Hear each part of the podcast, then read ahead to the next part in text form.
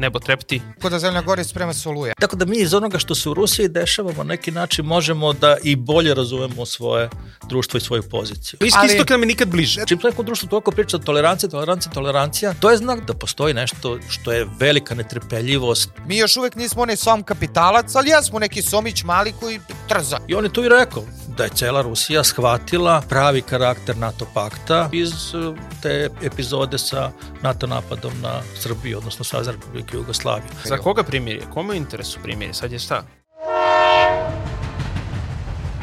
Pozdrav svima, dobrodošli u novu epizodu podcasta Lokomotiva. Ja sam Marko Nikolić. A ja sam Tiosa Purić. Današnje teme, svašta se dogodilo, nebo trepti, je tako? Nebo trepti kod da zemlja gori sprema se oluje. Upravo to. E, prva naša tema bit će ova shuttle diplomatija i kako smo došli do nuklearne podmornice već u Persijskom zalivu. To je, Od- to je samo da ne bude nuklearno oluja. E, da ne bude nuklearna, ove druge ćemo preživjeti od peščanih pa nadalje. A, a druge će nam biti kakva se to abstinencijalna kriza dešava e, u Europskoj uniji i kako je tu Ukrajina ostala prepuštena europskim liderima i njihovim milijardama dolara koje su se nekako sve više presušile. A u drugom delu emisije razgovarat ćemo sa profesorom Slobodanom Antonićem, profesorom sa a, Odeljenja za sociologiju Filozofskog fakulteta Univerziteta u Beogradu u, a, o njegovoj novoj knjizi Ukrajinski, Ukrajinski rad buđenje carstva i malo o predstojećim izborima, je li tako? Tako je. A hoćemo za početak o svim ovim, um, o svim ovim dešavanjima na Bliskom istoku. Čini se da je sve počelo s ovim uh, dugo iščekivanim govorom generalnog sekretara Hezbolaha Hasana Nasrale, uh, koji je zapravo imao dve neke, ako možemo da kažemo, poente u tom govoru. Jedan je bio deeskalacija i poruka uh, da se ovaj nekako taj mir uh, napravi, ali je zapravo suštinski druga poruka bila ta koja je bitna, to je da Hamas mora pobediti u Gazi. Tako da su ove sve, gotovo sve arapske zemlje su nekako listom preuzele ovaj prvi deo njegove poente, a ovo da će, da Hamas mora da pobedi, to se nekako prećutalo, jer čini se da svi nekako sad priželjkuju deeskalaciju i malo kao i da peru ruke od svega toga, barem što se tiče ove, ovog, ovog arapskog dela islamskog sveta. Tako je. E, zaista, e, evo, taj bliski istok nam je sve bliži. I ovde na Balkanu izgleda. E, Da, pričat ćemo i o tekstu Foreign Affairs, je li tako? upravo to, e, Foreign Affairs, da, koji, ajde sada već spomenuo, kad si rekao da se otvara novi front na Balkanu, to je da. Srbija e, treba da otvori treći front neki. Ali e, treći front Rusije, A jel ne, ne, tako? drugi front Rusije u Evropi, a treći front u, u svetu protiv Amerike. Zanimljivo. Naime, u tekstu Foreign Affairsa, kad smo već skrenuli, Da. ali kratka digresija, pošto su sve opšta mesta, e, dakle, e, opet su Srbija i Rusija protumačene, to je Beograd, Moskva, osovine protumačena kao osovina zla, to je mikroosovina zla, pored ove velike osovine zla, to je ta mikroevropska osovina, osovinica zla, e, koja prema mišljenju analitičara iz Foreign Affairsa predstavlja opasnost po evropsku bezbednost, e, gde se naročito targetiraju u tom tekstu uh, Arti Balkans i Sputnik Srbija kao uh, mediji koji pakuju rusku propagandu uz srpsku nacionalističku propagandu o tome kako je Kosovo sastavni deo Srbije i kako se mora uh, zapravo NATO kalibrirati da malo primiri nacionalističke tenzije, podsjeća se na raznorazne izjave predsjednika Vučića iz vremena 90-ih kada je bio generalni sekretar Srpske radikalne stranke, malte ne čitav tu narativni arsenal prikupljen u tom tekstu i usmeren onako fino da se objasni kako je Srbija sad po otprilike dođe, mislim, pošto citiraju Kurtija, mi ispada da smo neki Hamas na Balkanu. Pa ne, i, i, i imponuje ta moć koju nam percipiraju i daju. Da, oni nam pri... ne, mislim, oni nam, pa ne, ali to je sad na tragu onoga kad vidiš, mnogo smo odlu- odlutali od bliskog istoka, vratit ćemo Ali, se. ali bliski istok nam je nikad bliže. Da, pa mi zapravo jesmo Near East. Mi smo do, u, foreign affair, u Foreign Office u britanskom bili do drugog svjetskog rata Near East. Balkan sa, sa, sa Pa ovim više evropskim smo, više smo upravo to, Near East nego Zapadni Balkan, što bi... Ne, Zapadni Balkan sigurno nismo, Tako da- to ćemo, o, o, tome ćemo pričati Da. ovaj, uh, podrobnije, ali ovo je, mislim, to što nam, uh, oni su sami postavili tako odnos snage, jer setimo se kako i u Briselu, i u Briselu već, beše bila ova posljednja runda Da. pregovora sa pet evropskih a, lidera gde je predsjednik Vučić bio s jedne, s jedne strane, a, a ostatak ova evropska birokratija, državnici državnici po znacima navoda zapravo birokratija, dakle predsjednik Nemačke, predsjednik Francuske, da. kancelar Nemačke, predsjednik Francuske i tako dalje. Ovaj oni su bili svi sa druge strane. To je sad neka to je neki barabar odnos snaga što ona izrez, izreka zaratile dvije vele sile e, cela Hrvatska i srezne vesinje. E ovo isto zaratile dvije vele sile Evropska unija i ovaj i, i Srbija.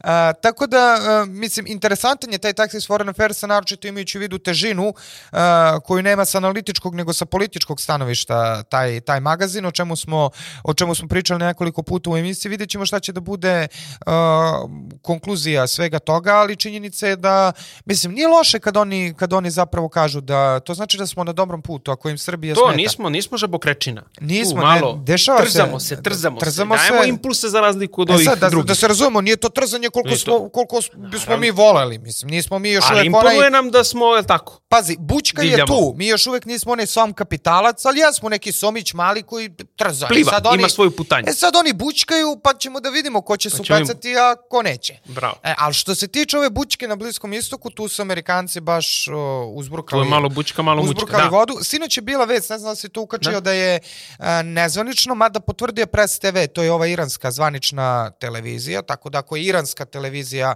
opet računamo, ne bi trebalo to da je nezvanično, da je otprilike a, ministar spolnih poslova Irana rekao svom katarskom kolegi da a, zapravo mora da se ide u neku širu, širu eskalaciju uh, sukoba, da. ali mislim, evo, već su prošle, koliko je to sad, uh, tri, ne, četiri, pa, mesec dana je prošlo. Punih mesec dana. Punih mesec dana, da, ovaj, 11.000 sad ukupna brojka uh, mrtvih prema... Ne, to će se svakako, to, to gazi, nije da. uopšte ni, ni vredno spomena koliko je tu mrtvih, jer to te procene kasne ko zna koliko.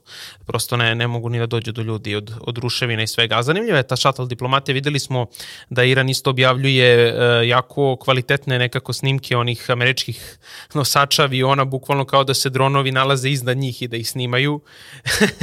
to je nešto što je onako do duše. Ano, to su propagandni ratovi koji trenutno e, traju po društvenim mrežama, ali ova shuttle diplomatija, šefcije, e, Blinken koji putuju iz zemlje u zemlju, pokušavaju nešto tamo da uh, ispregovaraju, ali očigledno ne ide.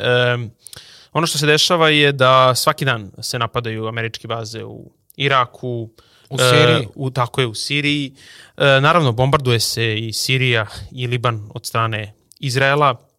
Tako da ovaj rat odavno više nije rat uh, samo na teritoriji Gaze i to kada oni kažu plašimo se proširenja, plašimo se proširenja, ovaj rat je i tekako već Pa za početak je proširen i to je ono što nekako svi prečutkuju proširenje na zapadnu obalu. I to je sad vrlo, jer tamo se, tamo se zapravo, pazi, Gaza je, mislim i sam... Uh, Netanjahu ima dosta tu kontradiktorne izjave, ali mislim šef Cije koji je sad trenutno tamo u svom shuttle uh, diplomatskom poduhvatu je malte ne tero Sisija da preuzme vlast nad, uh, nad Gazom, pa je on rekao da neće. Ovaj, e, tako da Gaza je tu, mislim, sa njihovog stanovišta kusur, ali je cilj da se zapravo zatvori zapadna obala. I tu je zapravo glavni rat. Jeste, ali to je su... kusur koji uh, arapske zemlje, evo sad čekamo tu uh, sednicu Strašno što je to kusur od 2 miliona ljudi. Strašno je što je to kusur za koji su nekada arapske zemlje uh, bile spremne, garantovale, da, garantovale. I bile spremne da, da uđu i da zaštite taj narod, što sad vidimo da kada vidimo da zemlje Latinske Amerike ili Južnoafrička republika povlače svoje diplomate iz Izraela pre nego arapske zemlje, onda je tu jasno da se radi o određenim kalkulanskim radnjama. I kada vidimo da se iz delegaciji Saudijske Arabije koja je bila u Americi vraća sa nekim idejama dolaska svetskog prvenstva mundijala 2034. u Saudijsku Arabiju u ovom momentu, to zaista zvuči malo morbidno dok vidimo sve one scene iz uh, pojasa Gaze. Uh, ali ono što jeste zanimljivo jeste upravo ta shuttle diplomatija Blinkena i direktora Cija Burnsa koji pokušavaju da od Jordana do Turske naprave neke kompromise, ali ono što je tu interesantno je da Izrael e, ne popušta sa svojom kopnenom e, operacijom, koliko god mi u medijima čitali da se nekako to sve nekako stišava, to, to uopšte nije tako i zapravo, je potpuno e, drugačije na terenu, sve više ljudi ostaje bez osnovnih životnih namirnica i e, negde se Netanjahu poslednja izjava što, je, što, što sam video jeste da Izrael planira da svoju e, da kažemo, vlast uspostavi nakon ove operacije.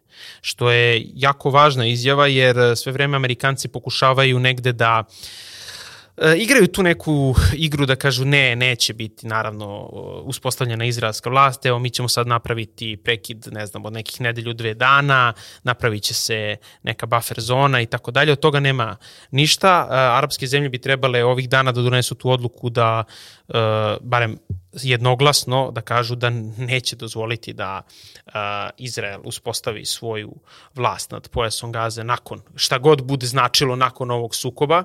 Sa druge strane uh, imamo upravo te pregovore između Hamasa i Izraela oko tih, uh, oko tih zarobljenih ljudi gde E, navodno se traži da oni budu oslobođeni da bi došlo prekida vatre, ali to je, mislim, uopšte pitanje ko je uopšte tih ljudi sad živ, s obzirom da je Izrael pokrenuo i tu Hannibal, jel tako, operaciju, odnosno koliko je već stradalo talaca zahvaljujući tim udarima vazdušnih snaga.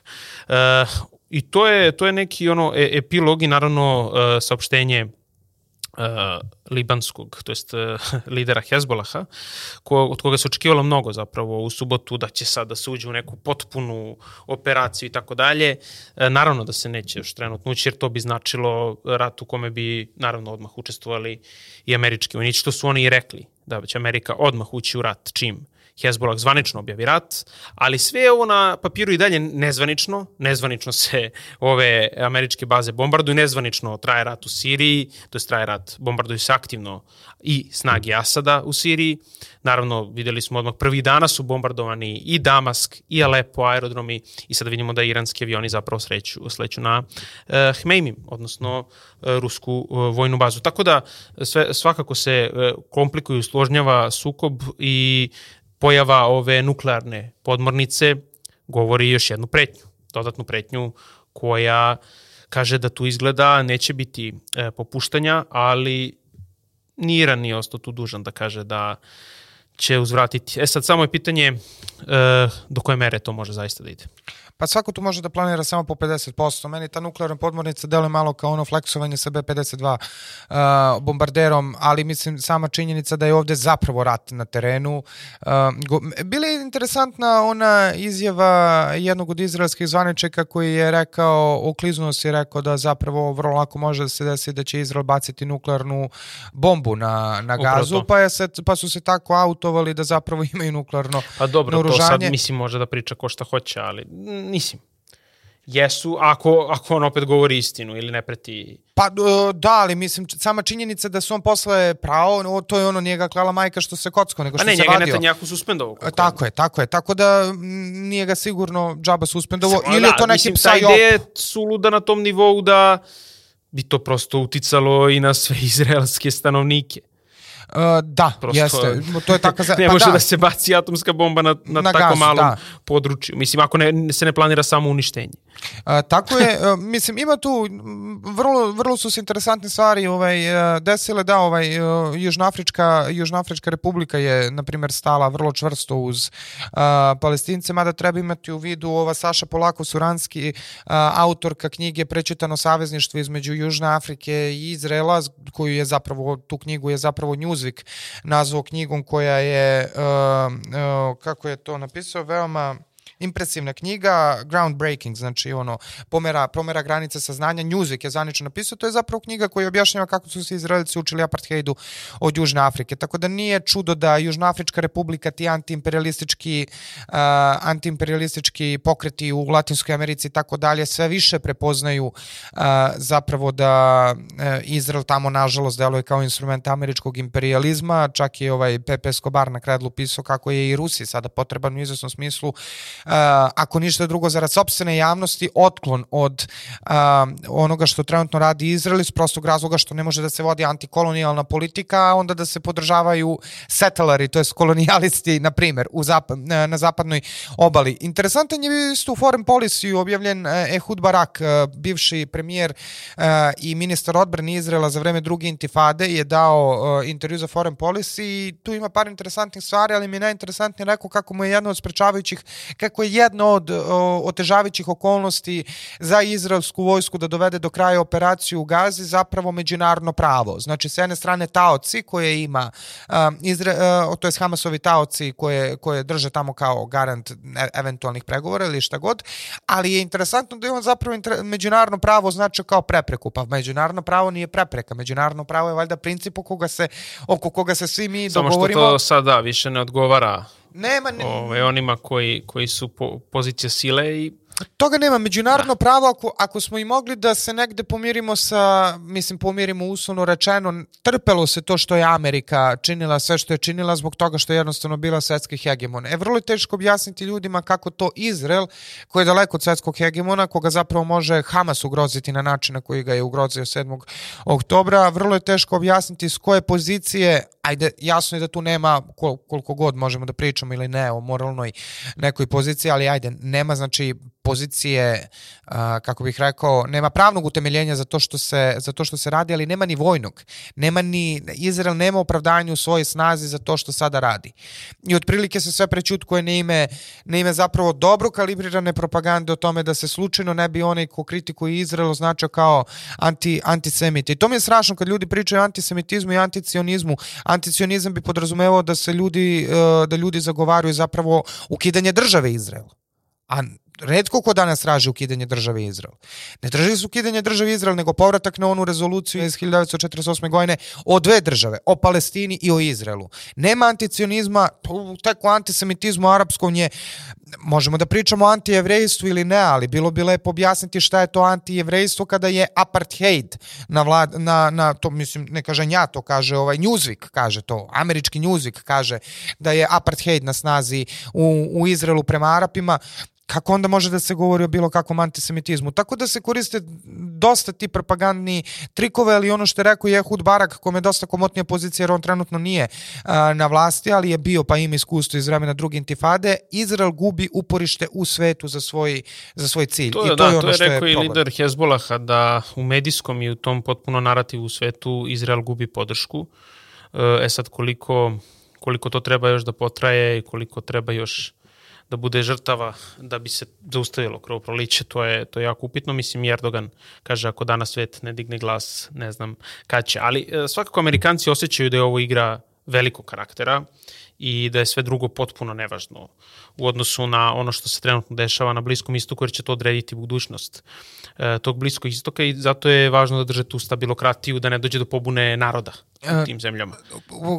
Izrael je, e, Izrael, situacija, taj odnos Izraela i Amerike na Bliskom istoku je takav da deluje kao da od mrava ne vidimo slona. Znači, svi gledaju Izrael, ok, jeste strašno to što se desilo 7. oktobra, mnogo je strašnije, kvantitativno može da se meri koliko je strašnije ono što Izrael čini, čini, čini Gazi, ni to što se desilo 7. oktobra nije van konteksta prethodnih 75 godina i onoga što se dešavalo i ovaj uh, i treba da bi se razumeo razlog treba i to da se razume, znači ne ulazimo u opravdavanje, ali je ključno da se razume slon. Znači pustite mrava, slon je Amerika. Ali naročito pod izgovorom svih tih izgovora koji se kriju pod okriljem te pravne države i prava na samoodbranu i humanitarne katastrofe. Da, sve se povlači. I, I to je upravo najstrašnije, zato što smo mi kroz to prolazili 90-ih i tad smo ono kao neki mali kalimero govorili nepravda, nepravda, ali danas ceo svet vidi zapravo šta je ta nepravda u tom ruhu međunarodnog prava i sile jačeg suštinski koja tlači onog slabijeg dogod je to potrebno. Ali zanimljivo je i ovo što se dešava u Americi i u njihovom senatu i u medijima. E, Bernie Sanders je neko ko je ipak iz, uspeo da izgovori nekoliko reči o tome da se e, bezuslovno ubijanje mora zaustaviti u, u pojasu Gaze, dok, na primjer, Pompeo, koji je jedan od bio glavnih saradnika e, Donalda Trumpa, na pitanje novinara da li treba direktno Amerika da krene u borbu sa Iranom, potpuno nonšalantno rekao da, mislim da treba.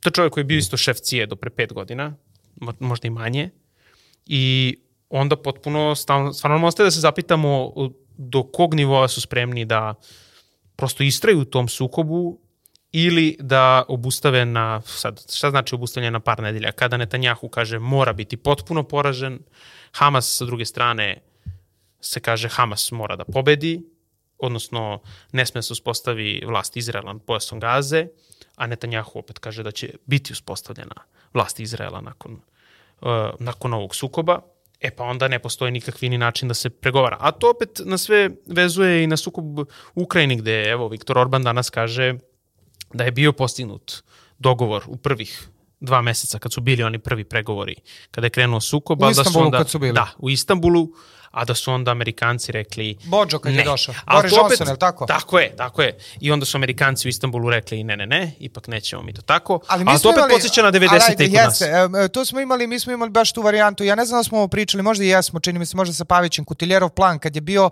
pa kad je Alija pristao, pa je se vratio u Sarajevo, zvao ga Bill Clinton, rekao ne može, povlači se iz toga i na kraju su sebi učinili medveđu uslugu, na sličan način su i Ukrajinci. Potpuno isto. Potpuno isto. Ali ovo što si spomenuo za Pompeja, čisto da ovaj, to je sad interesantno jer mi sad zapravo, a, sad, se, sad, se, sad je nekako došlo do preklapanja ra- raznoraznih jastrebova. Jer ti u Americi imaš jastrebove antiruske, antiruski nastrojene. A, Pompeo je bio u sklopu, mislim, setimo se, oni su ubili Kasima Sulejmanija na teritoriji druge države, ali aj to na stranu, ovaj, Trump je imao tu neku politiku a, hladno prijateljskog odnosa sa Rusijom, to je ajde, hladno partnerskog odnosa sa Rusijom, a, deklarativno a, zaraćenog odnosa sa Kinom i a, zapravo zaraćenog odnosa prema Iranu. Ali to je bilo Trumpu vreme i to je tad moglo se hendla da ti rataš sa Iranom. Danas kada ti su ti, kada ti je Viktorija Nuland kao ovaj antiruski jastreb sa jedne strane tu, sa druge strane su ti Ted Cruz i ova ekipa kao antikineski jastrebovi, isto im prolazi njima je suštinski prošla ova priča o tome da se podrži samo Izrael. To je bila baj, e, ova, kako oni kažu, dvopartizanska podrška, ovaj Bidenov paket e, finansijske pomoći samo Izraelu je donete, dakle Ukrajini, Ukrajini nije dat novac. I onda sa treće strane imaš tu ove, uh, ove um, kvazi buševce ovaj, koji su islamofobi kao što je Pompeo, koji će sad tvrdo da se zakucaju za Iran. Tako da mi sad u Americi imamo koaliciju uh, jastrebova koji su antiruski, antikineski i antiranski.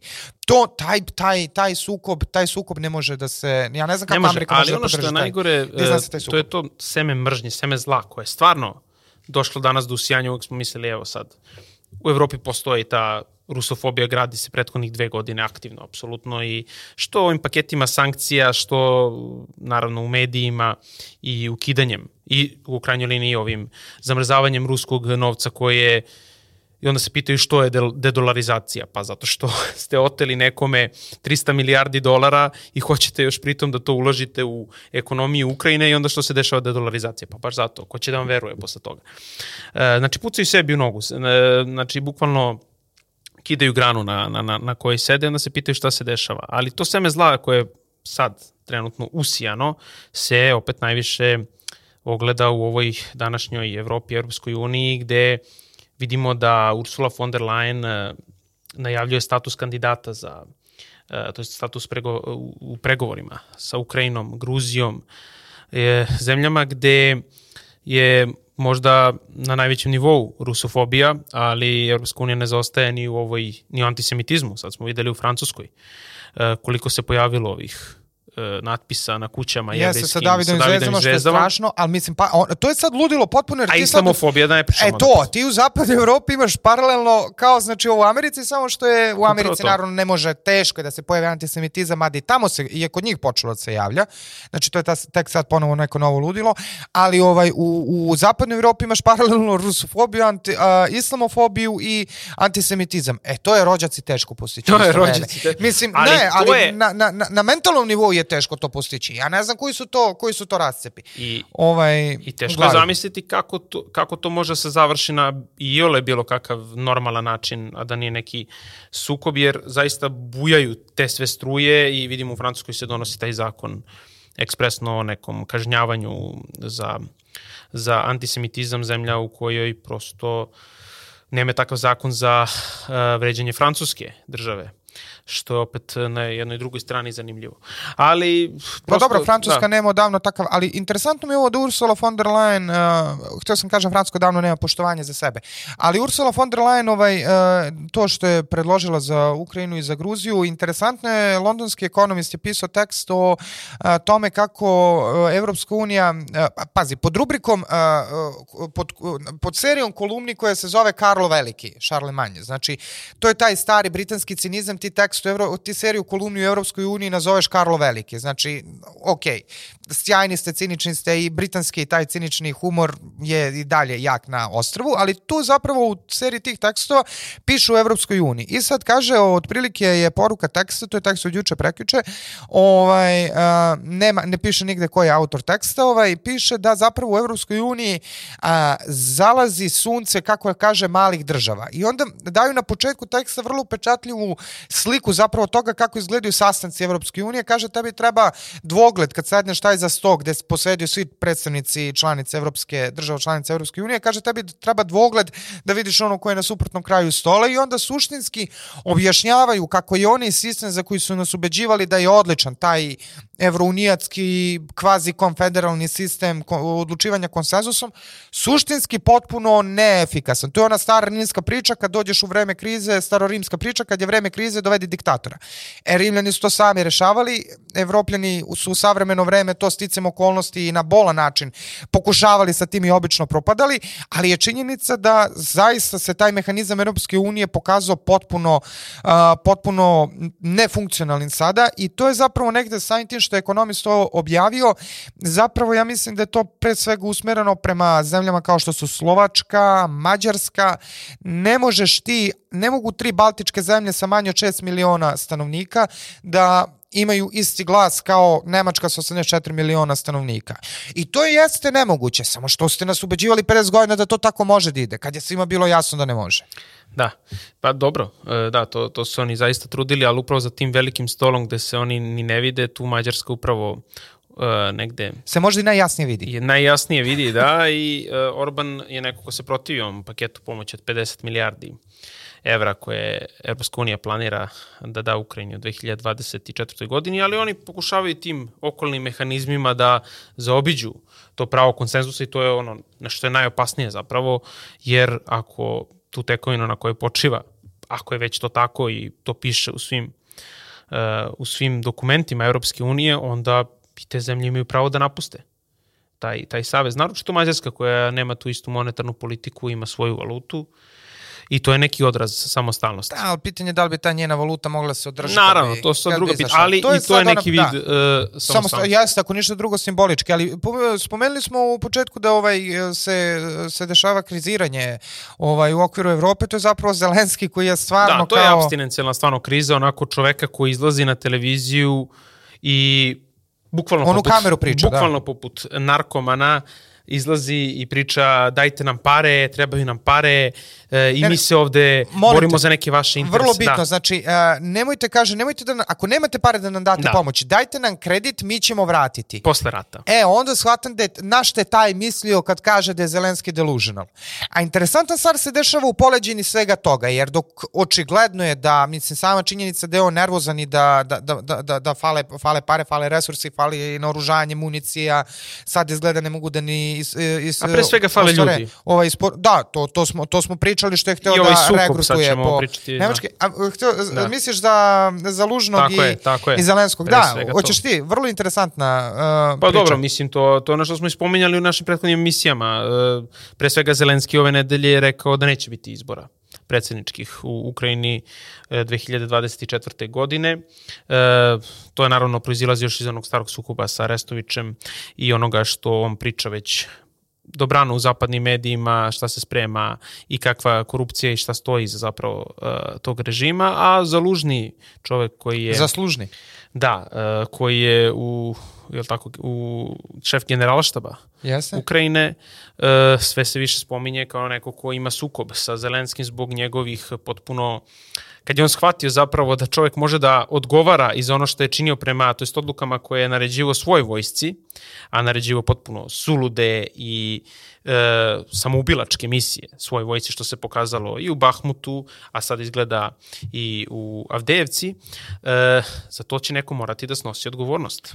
Tako je, izgleda da ga, e sad je ono tu interesantno kako, kako zapadnjaci rade, jer on je između ostalog dobio specijalnu ono opinionated, OPED, ovaj, je dobio kolumnu u Ekonomistu, Zalužni, pa je pisao tamo o tome kako treba da se e, ponovo promisli strategija ratovanja Ukrajine sa Rusijom i tako dalje, ali interesantno da su njega dakle izvukli da, saćemo se kako je Time intervjuisao ženu Zelenskog po ovo pono, sad se izgleda polako Zelenski odbacuju i pokušavaju da brendiraju Zalužnog kao nekog ko može može čak i da, da privede kraju ovaj rat jer ima raznoraznih ovaj tih nekih poruka bočnih i ovaj Rjapkov je isto to smo spomenuli u prošloj emisiji sad ima još ovaj nekih a, nekih ovaj kako bih rekao signala da se pokušavaju i Amerika da uspostavi neke diplomatske veze sa Rusijom ali je činjenica da treba nekako da se privede kraju jer se vidi da je rat u Ukrajini got, praktično rat u Ukrajini gotov. Mislim, to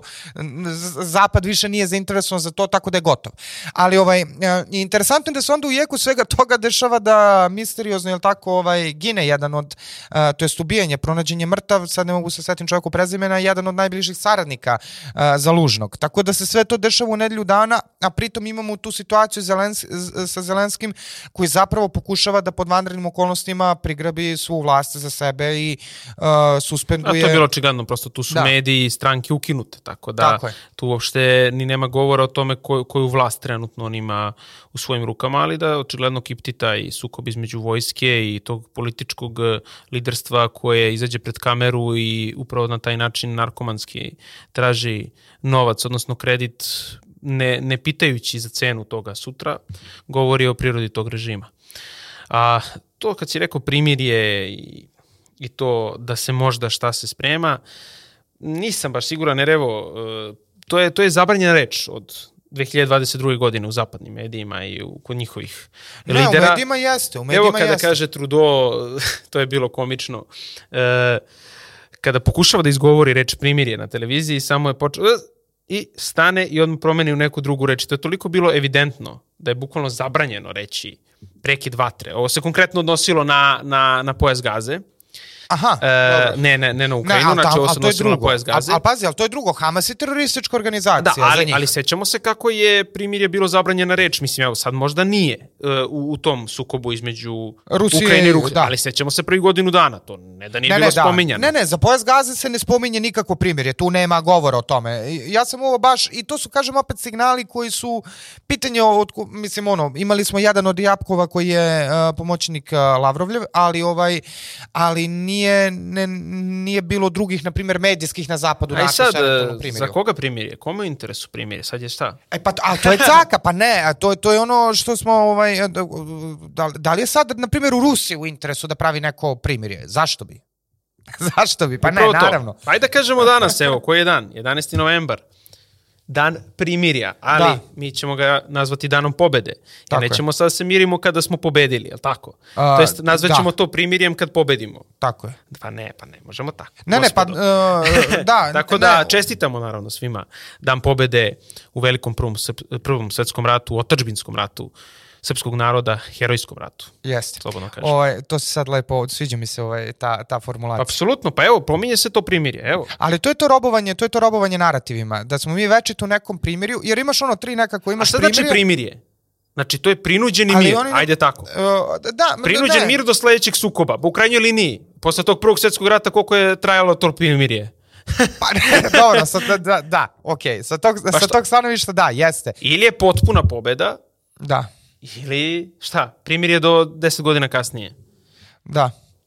Redi. Ovaj, e, ne, upravo ste, ali to je interesantno kako oni zapravo, mislim oni, to smo, to smo mi tako prihvatili. E, Amerikanci su, na primjer, u 54. godine ne slave dan primirja kako se globalno slavi, e, nego slave dan veterana i oni to tako slave. Ovaj, dobro, Rusija ima 9. maj, dan pobede, a ostatak Evrope dan ima, Evrope. ima, dobro, 9. maj je dan Evrope, ali ovaj 11. novembar slave kao dan primirja, pa onda mogu da pozovu Hašima Tačija na vojnu paradu, jer da, i da ga stave se svi, da. sećamo se svi velikog doprinosa albanskog naroda u borbi protiv... 2019. protiv godine, da. da. Sećamo se čuvenog tog uh, protokola koji je bio kada je Hašim Tači bio u tim prvim redovima zapravo u, u, Parizu, u Parizu, dok se predsednik Srbije našao sa neke duge tamo strane u trećem, četvrtom redu, što je onako prilično blamantno za tu Francusku, ali to si lepo rekao na početku, davno Francuska nema poštovanje za sebe, a kamoli Pa ne, meni je žao, ja bi, poš, ja bi mnogo volao da mogu da poštujem tu, tu veliku naciju, ali nema šta više tamo poštovati.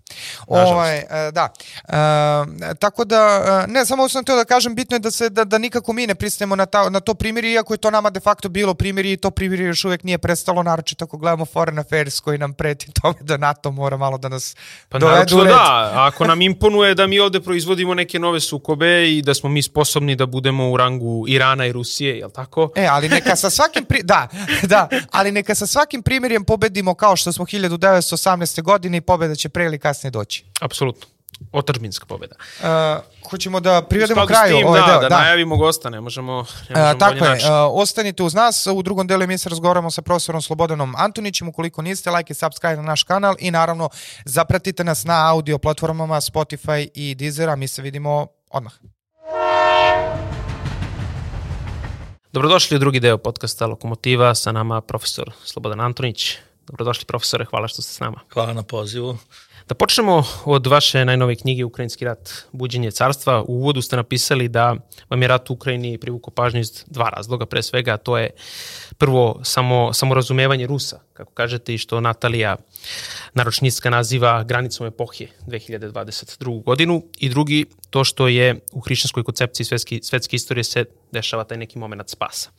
Ajde od ove prve nekako stvari da krenemo i je li zapravo 2020. godina nekako nepovratno nas i nepovratno smo sa njom zakoračili u tu neku novu epohu. 22. 22. Tako je. Da, promjene su se ranije dešavale u smeru uh, ukidanja hegemonije jedne države, jednog sistema, jednog poretka i stvaranja jednog pluralnog svetskog poretka, ali svaki rat je katalizator, on ubrzava reakcije i tako i ovaj rat prosto ubrzao stvari i čim je on počeo, čim se tu videlo kako stvari stoje, odmah je velikoj većini ljudi koji stvari posmatraju, ako da kažem nezavisno, koji trude se da nezavisno posmatraju stvari, bilo jasno da sad oni procesi koji su bili nekako skriveni sad izbijaju na površinu i da se svet vrlo brzo i nepovratno menja.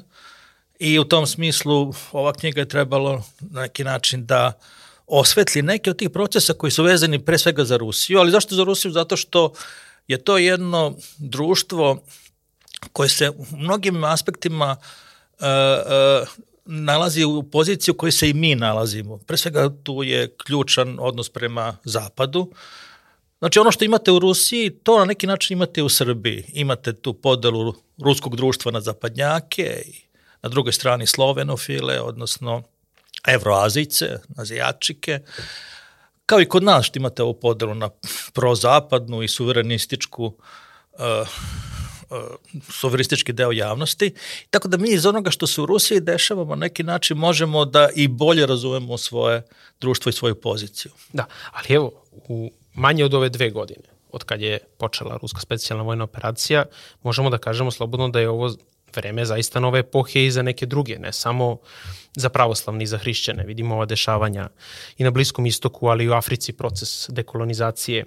Je to onda zapravo neka ideja koja je dala šansu i drugima da, da se pa oslobode? Svi, su se na neki način ohrabrili, pogotovo što je Rusija uh, moćna vojna sila koja je u stanju da pruži vojni otpor, kao što su Rusi ranije uočili, oni su to lepo formulisali, danas suverena zemlja može da bude pre svega ona koja ima nuklearno oružje. Nažalost, takva je situacija bila, i takva je i sada, da vi možete da vodite zbiljan nezavisnu politiku samo ukoliko ste u stanju da kažete ne, čak i vojnoj pretnji, odnosno vojnoj agresiji i to da se, da se Rusija usudila da ide, kako bismo rekli, do kraja, dokle je to potrebno zapravo, ohrabrilo i druge.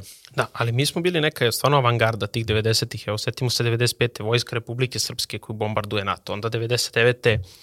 i Savezna Republika Jugoslavija. Uh, koliko je to naše ne zapravo uticalo i na ovo što je Rusija danas, ajde, i pre te dve godine, ali danas što ceo svet zapravo izgovara ne, koliko zapravo smo mi zaista prvi prošli kroz tu Golgotu. Pa mi, mi nismo to birali, to se Da. prosto desilo. Kao što nam se dešavaju neke druge stvari. Mi smo narod koji se nalazi na takvoj specifičnoj poziciji, ne samo geografskoj, nego hoćete i svetskoj, istorijskoj, da nam se prvima dešavaju neke, neke stvari iz kojih se vide upravo te tendencije, ali ovo vaše pitanje, dakle, Rusi su vrlo jasno videli e, karakter NATO pakta, njegove stvarne namere iz onoga što se nama dešavalo. I Stoženjicin je pisao o tome, on ima jedan veliki esej o, o ruskoj ideji i koji je napisan upravo posle ovoga rata 99. godine i on je tu i rekao da je cela Rusija shvatila pravi karakter NATO pakta i prave namere Zapada kada je Rusija u pitanju iz uh, te epizode sa NATO napadom na Srbiju, odnosno Savjezna Republika Jugoslaviju. Uh, ne samo da su Rusi to, da šira rus- ruska javnost to shvatila, nego uh, taj neki prelom koji se desio u, kod njih, kako se kaže, u glavama njihovim, pre svega kad je reč o njihovoj eliti, Posle, posle naravno dovoj do toga da su oni postali znatno oprezni, da su počeli da polako menjaju politiku. Naravno, pošto su postigli značajne uspehe u uh, otkriću, odnosno i primeni novih uh, oružja. Dakle, oni su napravili veliki prodor. Ja sam u knjizi i naveo da Rusi kažu da su oni čak u vreme Sovjetskog saveza zaostali pet godina za Zapadom, a onda se u tih, mislim kada je reč o tom najmodernijem naoružanju, a onda su napravili taj prodor sa ovim supersoničnim raketama i opšte ne samo to, uh, tako da je to bar oni kažu pravo, jedna, jedna vrsta tehnološkog čuda, naučnog čuda, koje se desilo i to je omogućilo njima da onda povedu mnogo samostaniju politiku, ali kako god, znači to je bilo neko koraka dok se nije došlo do toga da Rusija interveniše u Ukrajini. Jedan od važnih koraka je bio upravo ovaj rat koji je omogućio, rat 99. godine, koji je omogućio njima da uh, u potpunosti shvate, razumeju namere Zapada. E sad, profesore, ovaj, samo ova čini mi se knjiga, naslov se sastoji iz dva dela, dakle Ukrajinski rat i buđenje carstva. Volio bih da, da, da razbijemo i da pođemo od prvog do ovog drugog dela buđenje carstva. Kako je carstvo uh, Rusija? Znamo da za Ameriku Niall Ferguson je pisao u onoj njegovoj knjizi Čuveni Empire, pa kao da li ona imperija ili je hegemon ili je benevolentna imperija. Amerikanci sami teško pričaju da je to, da, izgovaraju da. da je to imperija. Pa, Kakva je Rusija? Odmah, odmah da kažem, kad je reč o naslovu, ja sam dao naslov uh, Ukrajinski rat, dešavanje spasa, ovo svi ste to pomenuli.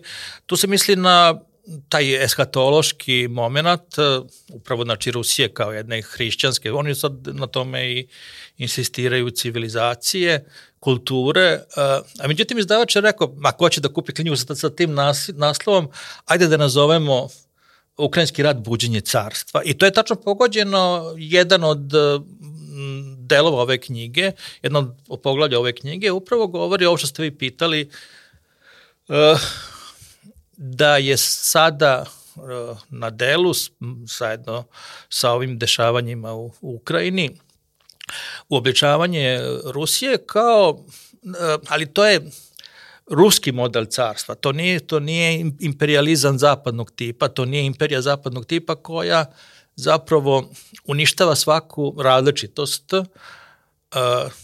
Rusi sami kažu, ja sam navodio te ruske autore koji sami kažu, da je Rusko carstvo sačuvalo sve sibirske narode. Kažu oni da je Rusijom, odnosno da je Sibirom vladala Engleska ili Španija, pitanje da li bi se jedan sibirski narod održao. To bi bilo, kaže, na stotine lomača i mi čak nismo insistirali na, ne samo da oni svi postanu Rusi, nego da oni svi postanu pravoslavni. Mi smo ih sačuvali i ostavili kakve jesu. Ideja Ruskog carstva jeste ideja uh, carstva koje donosi mir svim narodima i svim građanima i gde svako može da se, da se razvija i s druge strane svako ima, bez obzira na etničko poreklo, ista prava. Oni isto kažu, Rusi isto kažu, ovaj, da li ste imali slučaj da je neki Alžirac, Arapin iz, iz Alžira postao član francuskog senata ili neki Afrikanac da bude mm, naftni magnat u Nemačkoj ili u sjemičkim državama da neki indijanac bude ministar. Ne, niste imali te slučaje. A kod nas u, Ruskom carstvu vi ste imali Jermene, i Poljake, i Nemce, Jevreje, znači svi su oni bili ministri, naftni magnati, vojskovođe, odnosno generali, zato što je to carstvo ipak počivelo na pre svega meritokratiji, a ne na, to, na tome kakva je ko vere i, i porekla. I znači tak, taj koncept carstva kao velike uh, države u kojoj svako može da nađe, nađe mesto, uh, E, naravno, to, nis, to nije savršena država, ali to jeste, jeste država koja je eto, omogućavala da se ipak sačuvaju i narodi, da se da svako ima, ima priliku. Jeste nešto što sad moderna Rusija, Ruska federacija takođe prepoznaje kao jedan element svog daljeg razvoja. E, mislim, nominalno, naravno, to nije carstvo, nominalno, ali u osnovi ta ideja carstva kao i velike države koja omogućava mir i koja zapravo svega omogućava da se sačuva taj okvir kulturni i državni jeste nešto što, što baštini dan, današnja Rusija. Pax Pax Rusijana, kako bi to rekli, Rasijana, ali ovaj, uh, a ovaj deo prvi koji, koji se zove Ukrajinski rat. Uh, On inače u, u tom, ako, ako, dobro, ako dobro sam informisan, u tom obliku ne bi mogao da bude preveden u, u Rusiji, jer tamo se ne može tamo je valjda i zabranjeno da se kaže ukrajinski rat. Tamo bi moglo moralo u tom naslovu da bude e, pa, specijalna operacija. Sa, da, sve, da, da, sad to, ovaj, pa čuje se i sad rat, ali upravo zbog toga vas je pitanje, je to ukrajinski rat, jer ovaj, vi se bavite ovdje i otpadništvom tih uh, Ukrajinac u knjizi, ovaj, je li to rat protiv, ka, kako definisati taj rat i kako vam se čini da se Rusi tretiraju Ukrajinci? Je li to rat protiv Ukrajinaca ili je to zapravo rat protiv Zapada i za kog stoji Ukrajinci? Ukrajinci će se na kraju vratiti. Vidite li priliku da se oni vrate pod okrilje tog ruskog mira? Pa ja kad sam stavio nastav Ukrajinski rat, e, nisam mislio samo na rat koji vode Rusija i Ukrajina, nego Ukrajinski rat u kome učestvuju ne samo Rusija i Ukrajina, nego učestvuje i Zapad odnosno Zapadna imperija. To je Ukrajinski rat Zapadne imperije, kao što smo imali ovde srpski rat zapadne imperije. I to sam takođe rekao u ovoj knjizi. Mi vrlo često delimo, pa kažemo bio je rat u Sloveniji, pa rat u Hrvatskoj, pa rat u Bosni i Hercegovini, pa rat na Kosovu, ali to je zapravo jedan te isti rat koji je Zapad vodio, samo s različitim pešadincima, tako da kažem, različitim kopnenim snagama sa Srbima, odnosno sa Srbijom, tako i ovo deo jednog velikog zapadnog rata koji on vodi protiv Rusije, koji prepoznaje i dalje kao glavnog neprijatelja. To je vrlo interesantno, iako je Kina po svojim sad kapacitetima, broj stanovnika, tehnološkom i privrednom razvoju u osnovi mnogo opasniji neprijatelj e, Zapadu, oni dalje prepoznaju Rusiju kao glavnog svog neprijatelja, to je takođe nešto što zaslužuje objašnjenja, nešto toga ima i ove knjizi. Um, Da, interesantno je, moram da spomenem sad vrlo kratko analogije, ovaj, i ne znam da li možemo da, da, da što kaže, ovaj, spojlujemo to čitocima, ovaj, da kvarimo užitak, ali interesantna je ta vaša analogija sa Vizantijom, da je Vizantija, da je Zapad napuđujući Vizantiju otvorio vrata Osmalijama i da postoji opasnost sada da će Zapad ratujući protiv Rusije otvoriti vrata Kini. Da, da, to, to su nek, neke od njihovih autora, od zapadnih autora su to primetili uh, i to je tačno, to je tačno mislim, pomišlji oni, oni prave veliku grešku upravo u ovom smislu kome ste vi pitali, jer oni kažu kao, o to je recimo Bolton sad, na neki način predložio, sugerisao, eto, ako bi došlo da, jel, bar do sada je jedan od glavnih ciljeva Zapada bio u ovom ratu, da dođe do, sad oni tranzivaju dekolonizacijom Rusije, disolucijom, Rusije. Zapravo oni žele da rasparčaju Rusiju na, na više delova, da ona više nikada ne može da na bilo koji način bude uh, ozbiljna vojna sila. I onda oni kažu, Bolton je to rekao, pa kao, baš bi bilo zgodno, uh, eto, kako, ako se Rusija raspadne, pa evo Kina može da uzme svoj deo, odnosno čak uh, on kaže da, iz, da izađe, da izbije gore na, prema severnom polu, na Arktik. Uh, ali e, imajući, imajući u vidu ogromno rudno bogatstvo i kapacitete koje taj istočni Sibir posjeduje, time bi Kina toliko ojačala da zapravo To je ta analogija sa osmanskim Turcima koji su zauzimanjem Carigrada konačno zauzeli tu jednu od ključnih tačaka svetske geografije, svetske trgovine i posle toga njihov pohod na zapad je mogao da bude samo još, još jači. Tu ima dosta toga iracionalnog i u ostalom ta rusofobija je daleko izraženija od uh, sinofobije ili uh, i ona je naravno mnogo, mnogo duža i mnogo, mnogo, mnogo raširenija I moramo da računamo i na tu iracionalni deo ljudske prirode, iako mi stano govorimo kao, eto, zapad je racionalan, od zapada možemo da učimo mnogo, to je to, te racion, tu racionalnost, kalkulabilnost i sve, ali tu očigledno ima jedan deo koji je iracionalan. Mislim, meni ove, ove, ovo što se dešava sa ukrajinskim ratom, odnosno sa sankcijama, mene kako zaprepašćuje to, to srljanje to srljanje u situaciju da sve izgubiš. Zašto oni to rade? To je meni vrlo interesantno. Mi ne mislim samo na uh, konkretno na Amerikance, a mislim i na Nemce i na Poljake. Zašto, zašto se oni u to upuštaju? Poljaci, recimo, koji pokazuju jedno, rekao bih, rizično, rizično ponašanje. Znate šta, mislim, oni su sad, kako su ušli u Evropsku uniju i tako, su se, su se podigli, njih ima 30 miliona, vrlo lepo žive, to vrlo lepo napreduje njihova privreda. Zašto oni sad rizikuju da dođe do, do tu nekakvog sukoba pa da iz Kaliningrada polete rakete sa nuklearnim vrhom i da pogode Varšavu. Mislim, zašto oni to rade? Ima jedan odličan nemački film o tome kako su uh, Rusi 45. godine uh, zauzeli Berlin i onda ima jedna scena kada jedan ruski vojnik ulazi u, on je znači nekog ukrajinskog kolhoza, ulazi u, u berlinski stan i kad vidi kako je on namešten, šta sve u njemu ima, on kaže šta ste vi iz ovakvog bogatstva tražili u našoj sirotinji. I to stvarno se, čovjek pita zašto se to radi. Mislim, sad ne samo Poljaci, nego zašto svi oni rizikuju, oni vrlo lepo i pristojno žive, to je, to, ne, ne mislim samo na običan svet, pre svega mislim na njihove elite, zašto oni rizikuju da, da sve to bude uništeno u, u, u nuklearnom Armagedonu, ja stvarno, to je baš nekako čudno i iracionalno i to zahteva nekakva dublja psihološka objašnjenja. Da, e, ovdje ima jedna interesantna kovanica koja će sigurno i našim slušacima i gledalcima biti interesantna, ovaj, pravoslavni socijalizam. E, to nama zvuči verovatno iz našeg istorijskog iskustva, mnogima zvuči kao oksimoron, ali o čemu se tu zapravo radi?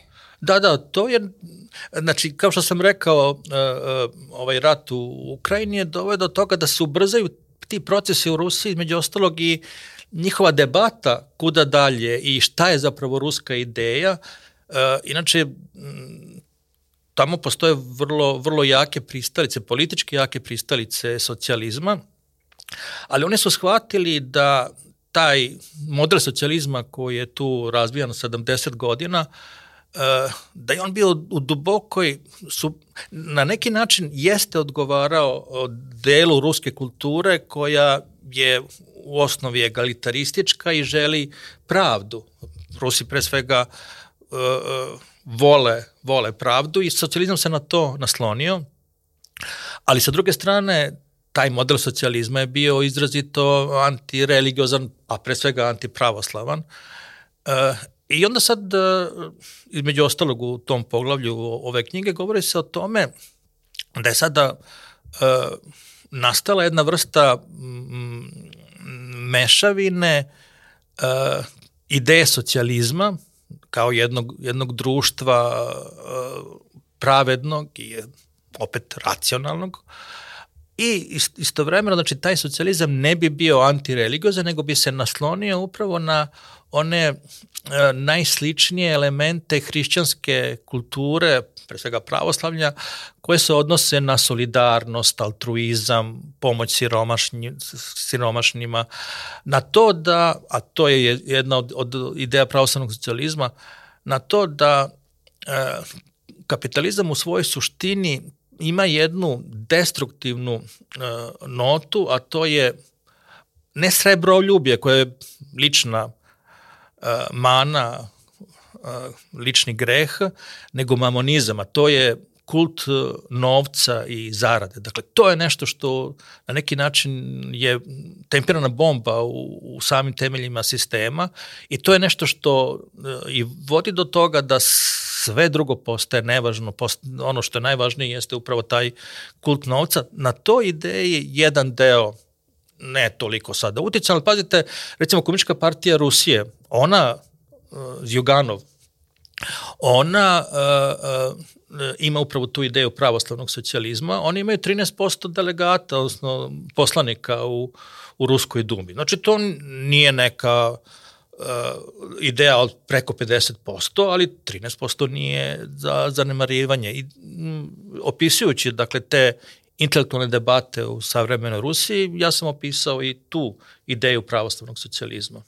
E, sad to kad ste rekli, mislim, to, to, to je ideja koja ima 13%, a sa druge strane ove, imamo sa zapada stalno povike kako je Rusija autoritarna država koja ne dozvoljava pluralizam i tako dalje, ali čini se nekako da dok na zapadu imamo pluralizam stranaka i, uh, kako bih rekao, totalitarizam jedne ideje, sa druge strane u Rusiji je, je možda situacija drugačija, ali postoji pluralizam ideja. Tako je, u Rusiji postoji stvarna debata. Znači, kad imate različite stanovišta, uh, gde nemate da nemate političku korektnost u smislu da je samo jedan tip mišljenja dozvoljen, to je zapravo onda dogma.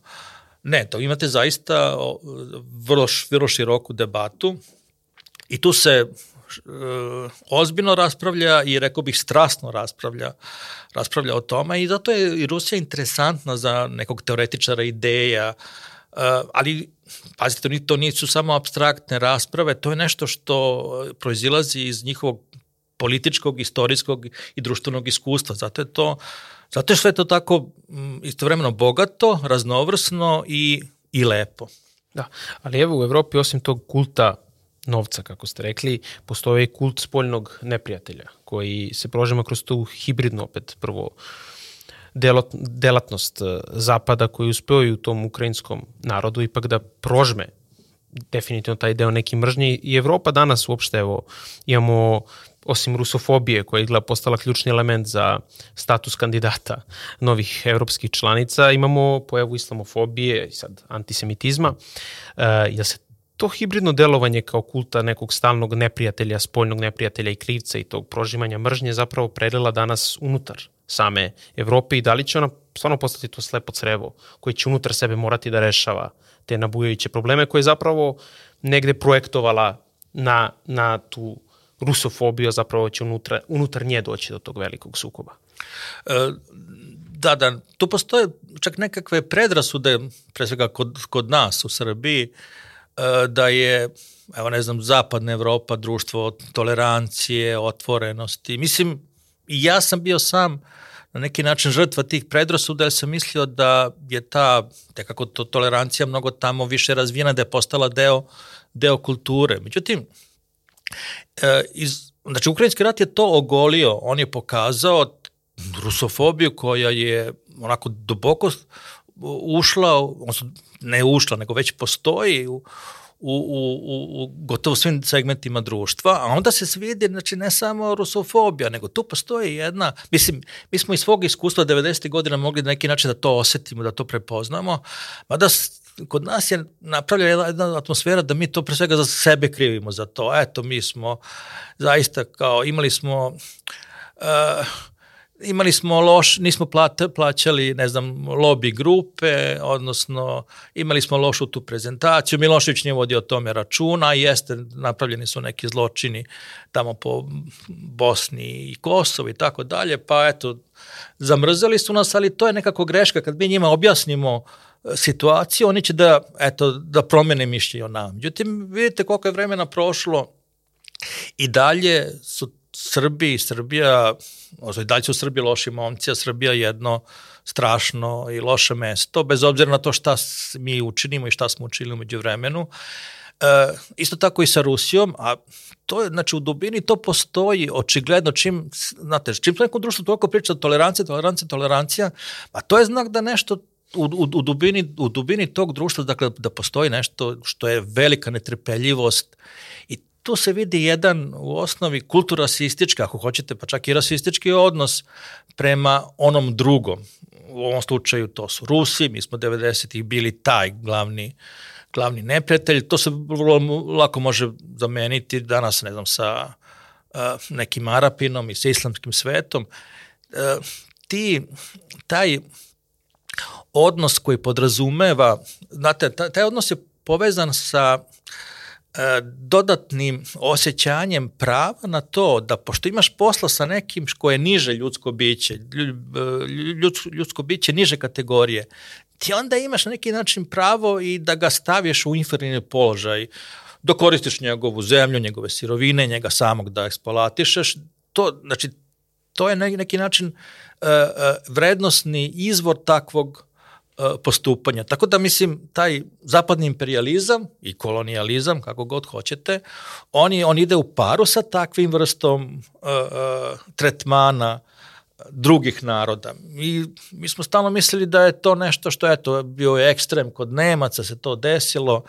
Taj narod Beethovena i Geta je zaludio jedan jedan kaplar, pa eto se to, to tako desilo, ali ne, mislim, tu, tu ste opet imali da su određene karakteristike jednog sistema, ako hoćete, jedne kulture, uh, došle do svog ekstremnog tako, razvoja i onda ste tu videli na, na, na, na vrlo lepo kako, kako, to, kako to izgleda i mi sad opet vidimo nešto, nešto slično, tako da moramo i sami da ispravimo nešto od naših predrasuda prema, koje imamo prema zapadu. Da, to je to seme mržnje, ali kako oni te kulturasističke vrednostne elemente posaju na taj način da ih nekako domaće elite prihvate. To je, to je ono nešto što ste i pisali zapravo u vašem tekstu Srbijatrija, da se među elitom zapravo nađu ljudi koji će prihvatiti, i ne samo prihvatiti, nego će biti dominantan uh, komunikacijski mehanizam ovom narodu koji će saopštavati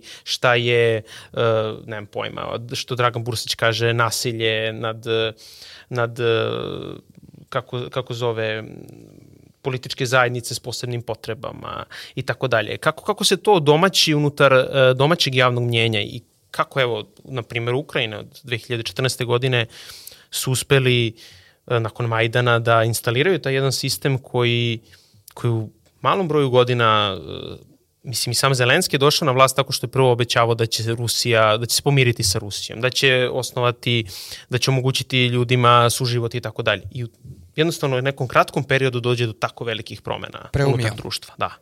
Pa, te promene kada je reč u Ukrajini, one su se desile u kontekstu u kontekstu rata kada su mm, kada je ta retorika koja je bila namenjena jednom delu stanovništva uh, na istoku Ukrajine, kada se ona pokazala kao više nepotrebna, suvišna, sada ćemo mi, sada ćemo mi to drugačije da, da, eh, da uredimo i da kažemo ono što stvarno mislimo.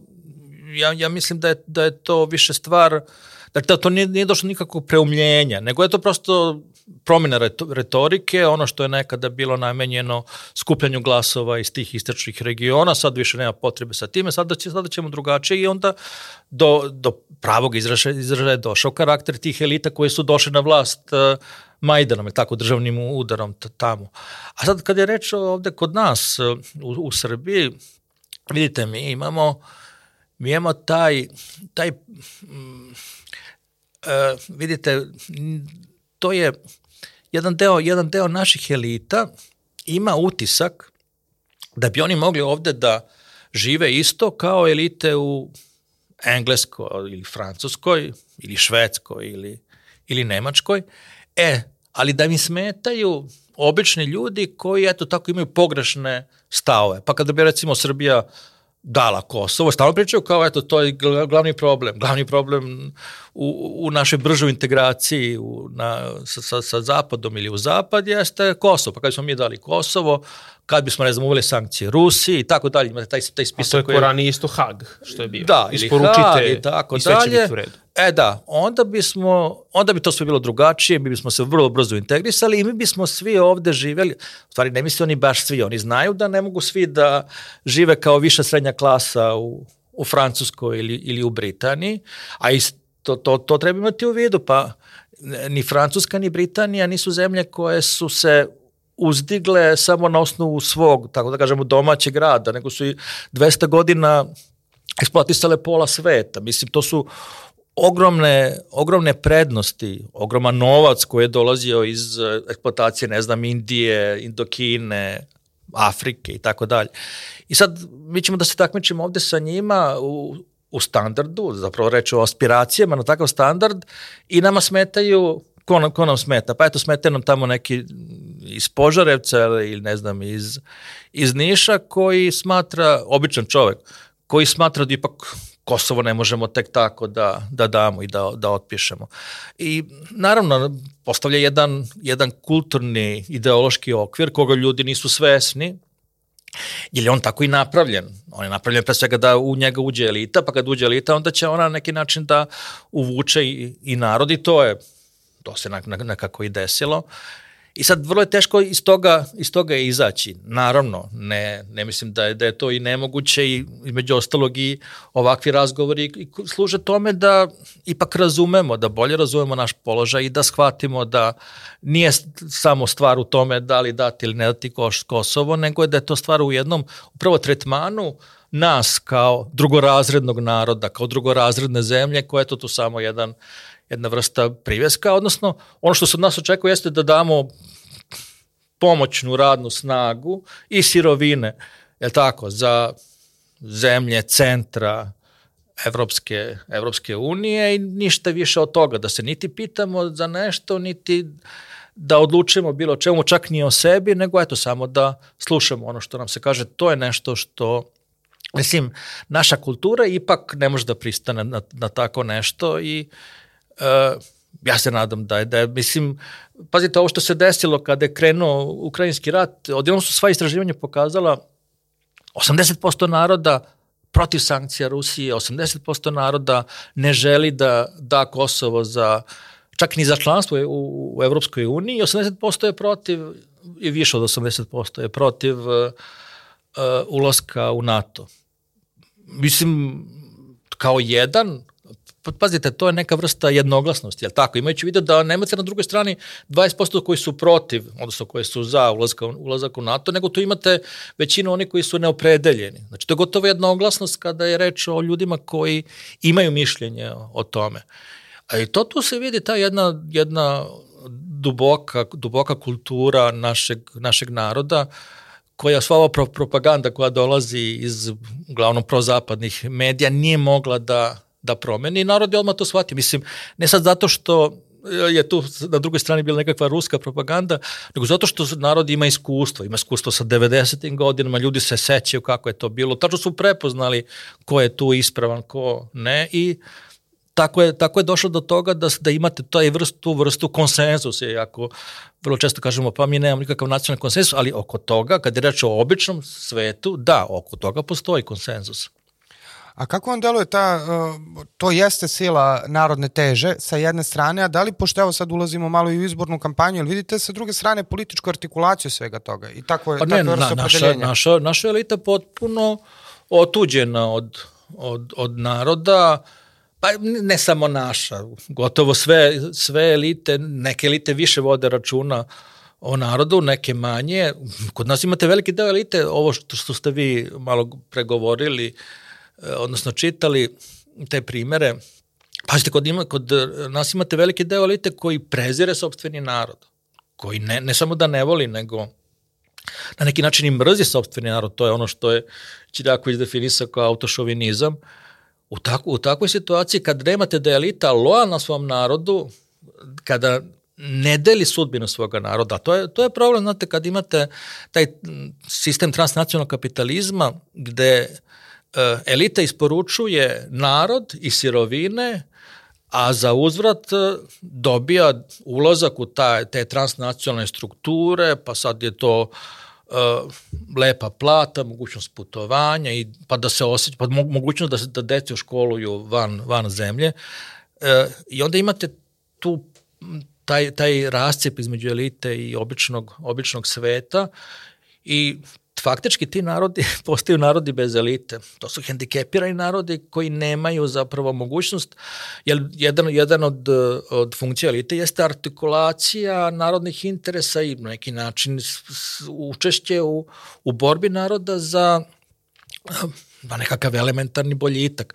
I sad, uh, kad je reč o, naši, o, o našim izborima, vrlo često vi to zapravo imate izbor između u osnovi vrlo sličnih e, političkih ideja, samo što su razlike ove prosto personalne, da li će ne, stranka A ili stranka B sprovoditi ali jednu te istu, jednu te istu politiku. E, to naravno, naravno ne znači da na izborima neće biti i drugačijih podela, ali imajući u, u vidu stanje u našim, u našim medijima koje stalno emituju tu takozvani informativnu mećavi, zasipanje različitim uh, i važnim i nevažnim uh, idejama, informacijama, nastupima ljudi i tako dalje, ljudima je pomalo teško da se snađe, ali opet, da se snađu, ali opet sa druge strane imajući u vidu ovo, znači, ove važne stvari oko kojih zapravo u, u narodu postoji konsenzus, uh, ja, ja verujem, ja verujem, nam samo treba malo vremena, malo vremena i ja verujem da će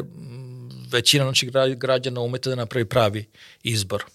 Da, ali kak, sa druge strane, ovaj, isto to bih želeo da vas pitam, ovaj, ako, postoji naravno nacionalni konsenzus oko tih ključnih pitanja, ali problem je što nekako kad dođe do političke artikulacije tih narodnih interesa sa bilo čije strane, onda se to ili u domaćim političkim okvirima proglasi za fašizam, nacionalizam, malte ne neki nacizam, ili nam, ako to rade neko iz državnih struktura, onda nam se sa spolja odmah dođe Kristijana Mampur da nam objasni kako mi ne treba da budemo, da budemo Srbi. Je li moguće uopšte u kontekstu, ajde, evropske politike, čiji smo, nažalost, deo, ovaj, da se, da se bilo šta artikuliše što bi bilo kontrapolitičkoj korektnosti u smislu doslednog zastupanja nekih nacionalnih interesa uprkos tome što se, što se spočitavaju takve etikete? Pa, ako pitate za Evropu, ja mislim da je Mađarska i Orban primer toga da ipak može, da može i ovo što se sad desilo u Slovačkoj takođe, E, male zemlje mogu, imaju, imaju prostora da mogu da vode i relativno nezavisnu politiku,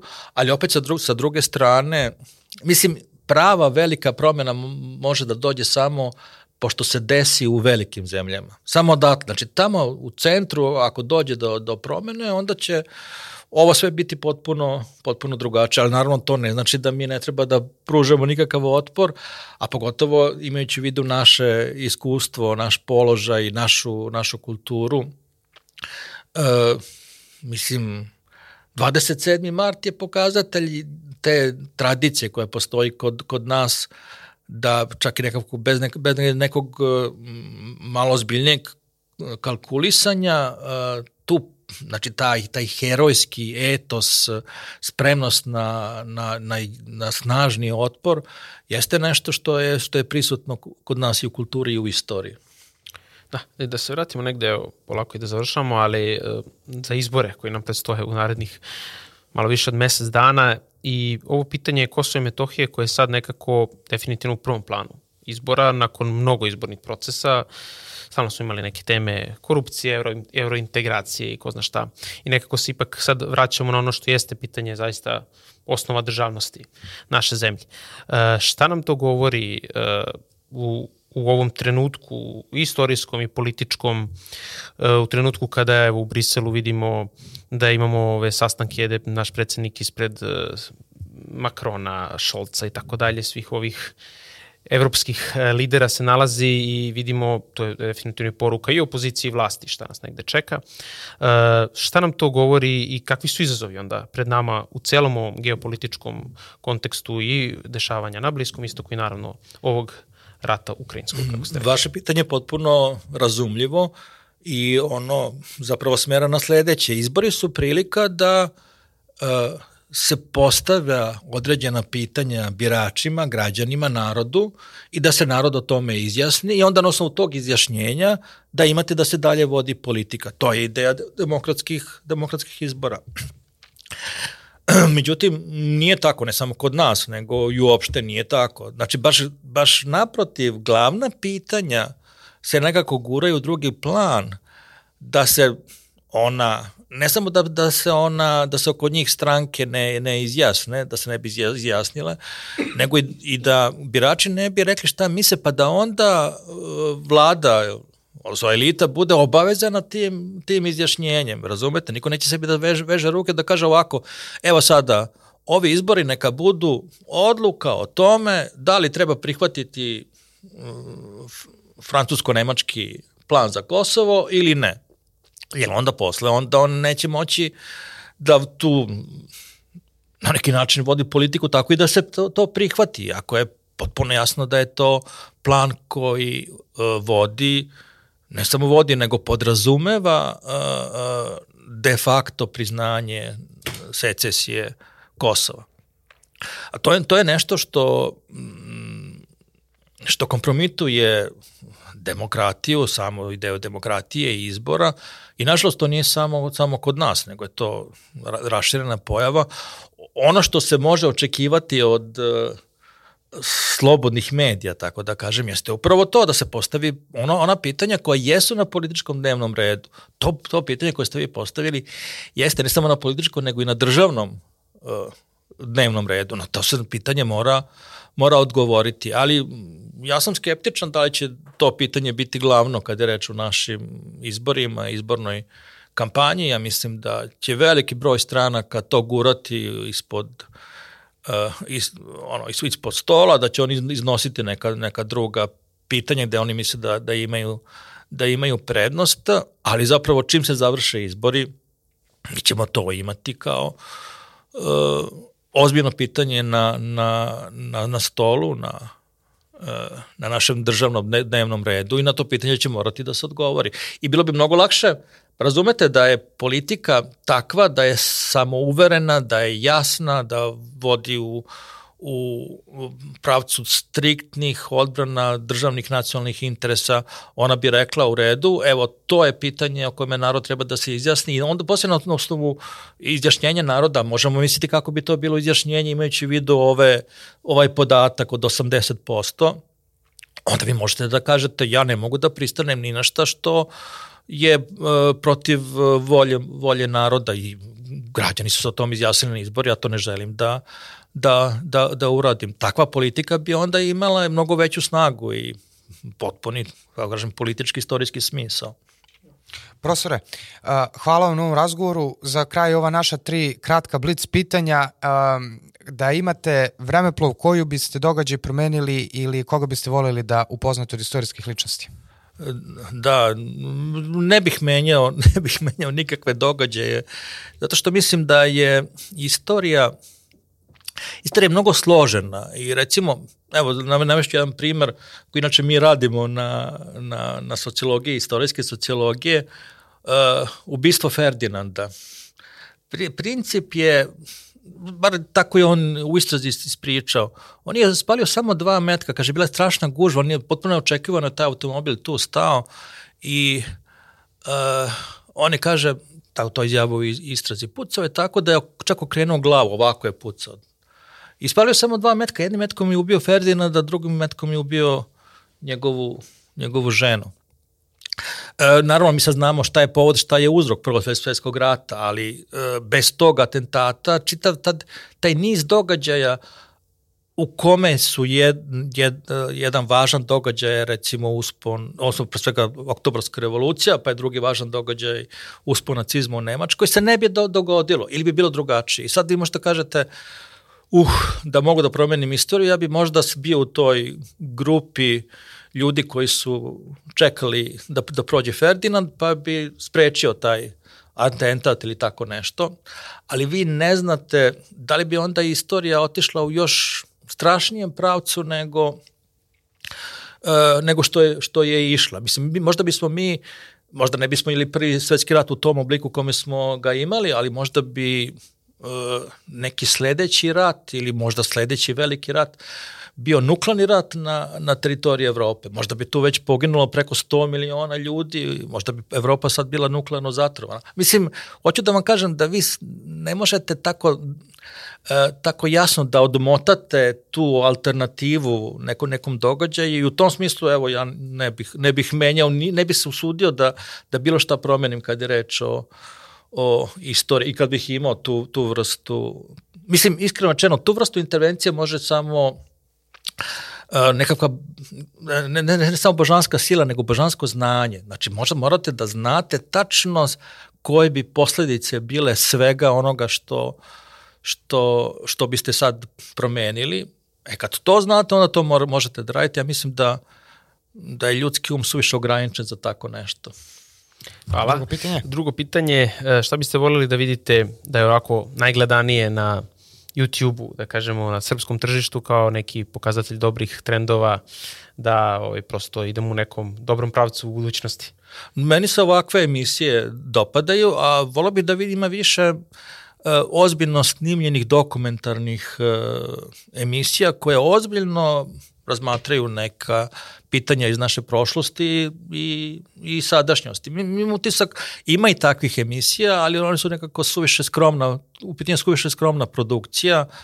E, štete stvarno što veliki deo onoga što su veliki, bogati mediji, e, prosto je ili namenjen nekakvim trivialnostima ili je sastavni deo propagande. Tako da imate te, te filmove, evo recimo nedavno je, da, bio je neki dokumentarni film o jednom političaru, ja sam gledao, probao sam na to gledam, to traje gotovo dva sata, Posle 10 minuta ja više nisam to mogao da gledam, sad ne zato što se ja navija za tog političara, nego zato što je to, u tih 10 minuta svaka rečenica je bila neistineta, propaganda, svaka rečenica je bila laž, gotovo svaka rečenica. To ništa nije bilo tačno. E, tako da, eto, volao bi da, da postoje takve, takve ozbiljne emisije, ali koje, e, koje su urađene tako da istinito prikazuju ono što se dešavalo u prošlosti ili dana što se dešava. I poslednje, tri stvari koje biste poneli na tropsko pusto ostrovo. A što tropsko? pa da ne mislite da treba, mislim ima onako, ne morate da nosite, ne znam ni ja, neke uh, stvari koje bi vam obezbedile preživljavanje na nekom, na primjer, polarnom ostrovu. Znači, da, ono, da. toplo je, ima hrane, ima svega, tako da, da, da samo da, stvari za užitak. Pa dobro, mislim, za dokulicu. To, to, to pitanje, to pitanje, mislim, izgubila, izgubila onu, onu oštricu, imajući u vidu da sad ljudi mogu da ponesu ne znam šta, ove solarne panele, pa da imaju struju, pa da ponesu kompjuter i mobilni telefon, pa da onda isto žive kao i, i, i ovde. Ali mislim, ako to, to ne zanemarimo, svakako bih poneo knjige, tri knjige i to tri što veće knjige, a pogotovo tri što veće knjige koje nisam pročitao. Recimo prva koja mi pada na pamet jeste Zlatno runo. To je onaj roman Pekića u osam tomova, e tako nešto. Veliko i zanimljivo da, da brže prođe vreme dok, dok ne stigne spasilački brod. Hvala vam profesore puno na ovom Hvala vama na razgovoru. Pozivu. Da se zahvalimo naravno slušalcima i gledalcima i preporučimo Slobodan Antonić, Ukrajinski rad Buđenje carstva čitaju, sjajne knjiga o aktualnom sukobu na istoku Evrope, a ukoliko niste like i subscribe na naš kanal, slušajte, na naši, slušajte nas na našim audio platformama Spotify i Deezer i vidimo se sledeće nedelje u isto vreme. Ćao!